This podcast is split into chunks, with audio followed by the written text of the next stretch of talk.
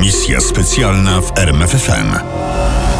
Święty Krzyż. Największy bunt więźniów w historii II RP. Minął kwadrans po 9 rano 20 września 1925 roku.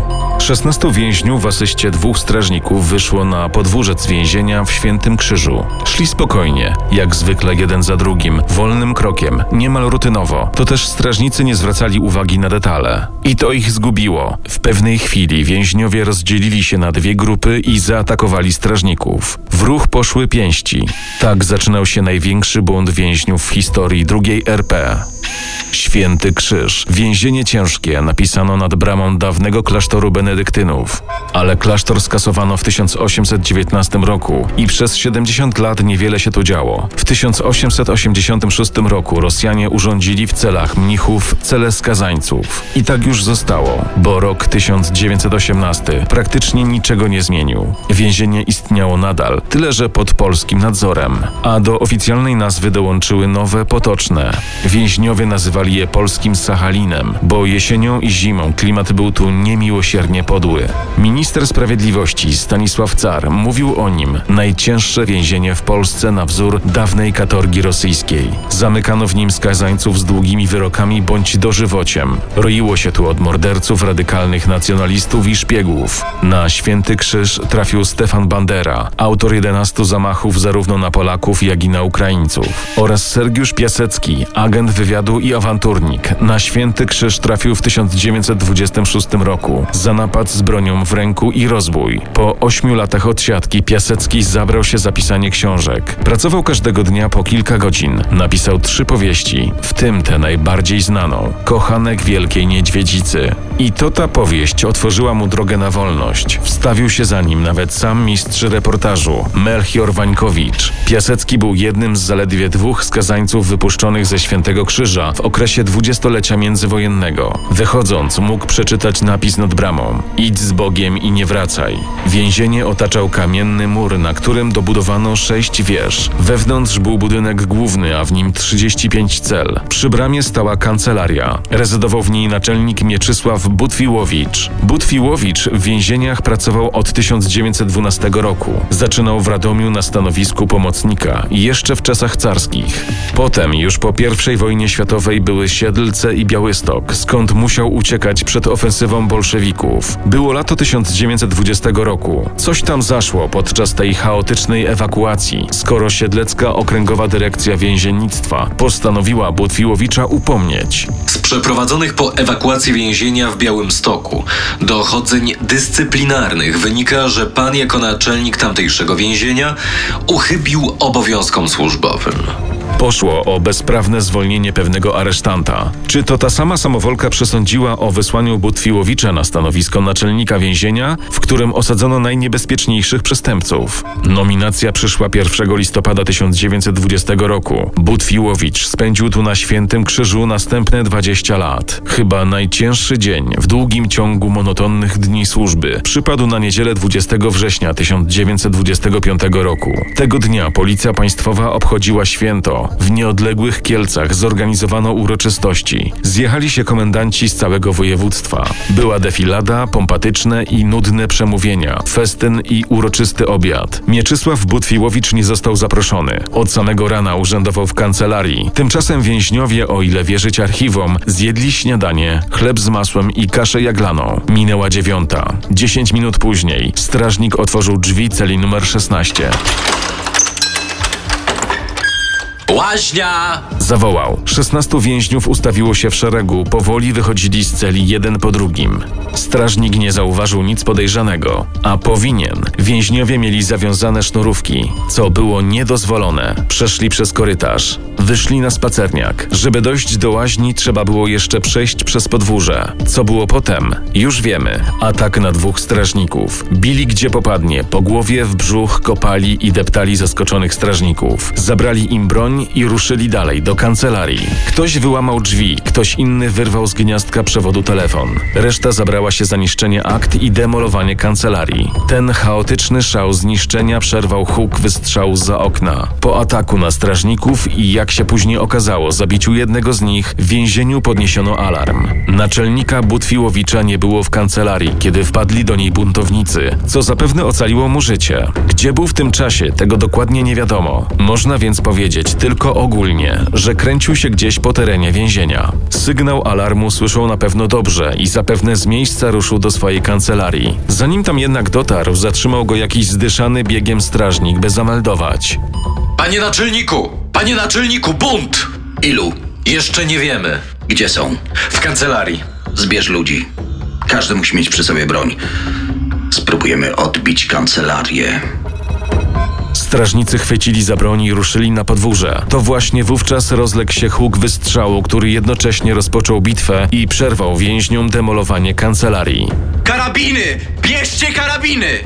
Krzyczał któryś z więźniów. Pod ścianą na specjalnie do tego celu przygotowanym stojaku stało 30 karabinów, z których tylko 8 nadawało się do użytku, o czym więźniowie jeszcze nie wiedzieli. Znalazły się też dwa pistolety i kilkaset naboi. Wypadli na podwórze i strzelając bardziej na oślep niż do konkretnych celów, pobiegli w stronę wieży przy północno-zachodnim murze. Zdobyli ją praktycznie bez walki, bowiem strażnik, widząc biegnących w jego stronę napastników, uciekł. Na mur i przez wieżę na dół. Na zewnątrz. Na wolność! Nie było to jednak takie proste. Mur, a tym bardziej wieża były zbyt wysokie, by bezpiecznie zeskoczyć, a nikt nie pomyślał o linach czy drabinach. Więźniowie buntownicy znaleźli się w pułapce. Co teraz? Spytał ktoś. Na to pytanie, które cisnęło się na usta wszystkim, musiał odpowiedzieć Jan Kowalski, dawniej sierżant pułku kawalerii, weteran wojny 1920 roku. Pięć lat wcześniej więzień skazany za morderstwa na dożywocie. To Kowalski postanowił wiać się ze Świętego Krzyża. To on namówił do tego 15 ludzi i to on stanął na czele buntu. Nie był to jego pierwszy bunt i pierwsza bitwa z policją. W świadku przestępczym był znany z tego, że wyrwał się z obławy. Osaczony przez policję nad brzegiem Niemna wskoczył do rzeki i odpłynął z nurtem. Już go nie znaleziono. Wpadł w innych okolicznościach, za inne przestępstwa. Teraz kuląc się pod murem więzienia przed świszczącymi nad głową kulami, musiał zdecydować co dalej. Na podobne pytanie w tym samym czasie musiał odpowiedzieć również naczelnik Butwiłowicz. Butwiłowicz rozumiał, że ze swoją szczupłą więzienną gwardią niewiele zdziała, dlatego postanowił wezwać posiłki. Problem polegał na tym, że jedyny telefon znajdował się w kancelarii, a ponieważ buntownicy wyrwali kabel ze ściany, aparat był niesprawny. Trzeba było poszukać innego starożytnego sposobu komunikacji ze światem zewnętrznym i Butwiłowicz go znalazł. Posłał strażnika do najbliższej wsi, do Nowej Słupi. Powiesz wójtowi, że mamy tu bunt. Każ mu wezwać policję z Kielc. Niech zbierze też ludzi z okolicy i migiem do mnie. Broń dam sam.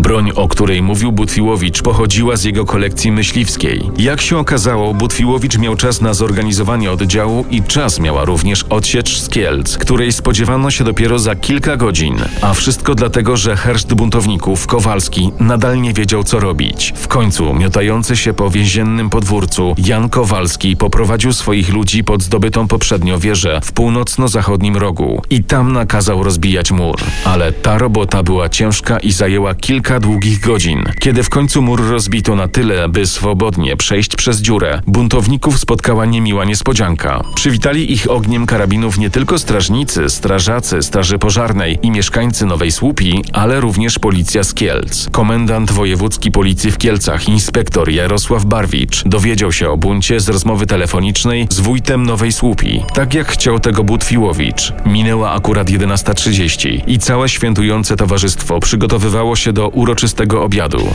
Razem z wojewodą Ignacym Manteuflem zdecydowali się natychmiast przerwać uroczystości i ruszyć czym prędzej na Święty Krzyż. To czym prędzej trwało jednak długie półtorej godziny. Winny był tragiczny stan dróg, zwłaszcza pod koniec trasy, kiedy samochody musiały wspinać się pod górę. Lecz gdy wreszcie kolumna siedmiu samochodów zatrzymała się pod bramą, inspektor kazał przyprowadzić Butwiłowicza, wysłuchał jego meldunku i przejął dowodzenie. Zakończymy ten bunt jednym mocnym uderzeniem, a do tego potrzebujemy jeszcze oddziałów z Buska Zdroju, Opatowa i Jurzy. Niecierpliwy Butwiłowicz musiał czekać. Czekali do godziny piątej po południu. Nad Świętym Krzyżem zaczął zapadać mrok, a wezwanych na odsiecz oddziałów nie było. Musimy poradzić sobie sami. Zdecydował inspektor i dał rozkaz ataku. Szturm nastąpił od strony południowej metodą średniowieczną. Przy murach ustawiono drabiny. Stu policjantów wdrapywało się na mury i zaatakowało więźniów przy wieży strażniczej. Co było dalej? Dokładnie nie wiadomo, bo relacje są rozbieżne. Według jednej wersji więźniowie wycofali się do łaźni i tam bronili się dopóki starczyło im amunicji. Rannych i zabitych policjanci wywlekli na dziedziniec. Leżali tam ku przestrodze jako dowód determinacji stróżów prawa Rzeczypospolitej. Według innej wersji zdarzeń, po wyparciu buntowników z podwieży, bitwa przeniosła się na dziedziniec. Policjanci, szukając ochrony za budynkami gospodarczymi, pomału krok za krokiem, strzał po strzale osaczali buntowników. Zajadła strzelanina wybuchła dopiero nieopodal wybitego w murze przejścia i pod północno-zachodnią wieżą. Strzelali przede wszystkim policjanci, lepiej uzbrojeni i posiadający większy zapas amunicji niż mieszkańcy Nowej Słupi. Buntownicy ze swoimi ośmioma karabinami i kończącą się amunicją byli skazani na porażkę. Padła zniesiona salwami karabinowymi drewniana wieża, zginął Jan Kowalski, a wraz z nim umarła nadzieja buntowników na wolność. Owszem, upadłe morale próbował podnieść nowy herszt. Piotr Dudek, ale i jego z walki wykluczyła policyjna kula. To był koniec. W tej desperackiej bitwie o wolność zginęło pięciu buntowników. Dwunastu rannych więźniów odwieziono do szpitala. Po kilku dniach z tej dwunastki zmarło jeszcze dwóch ciężko rannych. Lecz ostatni akt dramatu rozegrał się 3 listopada 1925 roku przed sądem okręgowym w Kielcach. Na salę rozpraw wprowadzono 11 buntowników. Proces był krótki. Ośmiu dostało karę dożywocia. Dwóch uniewinniono. Natomiast ostatniego przywódcę buntu Władysława Pocztę skazano na karę śmierci. Ułaskawił go prezydent. Misja specjalna w RMFFM. Na tropie największych tajemnic historii.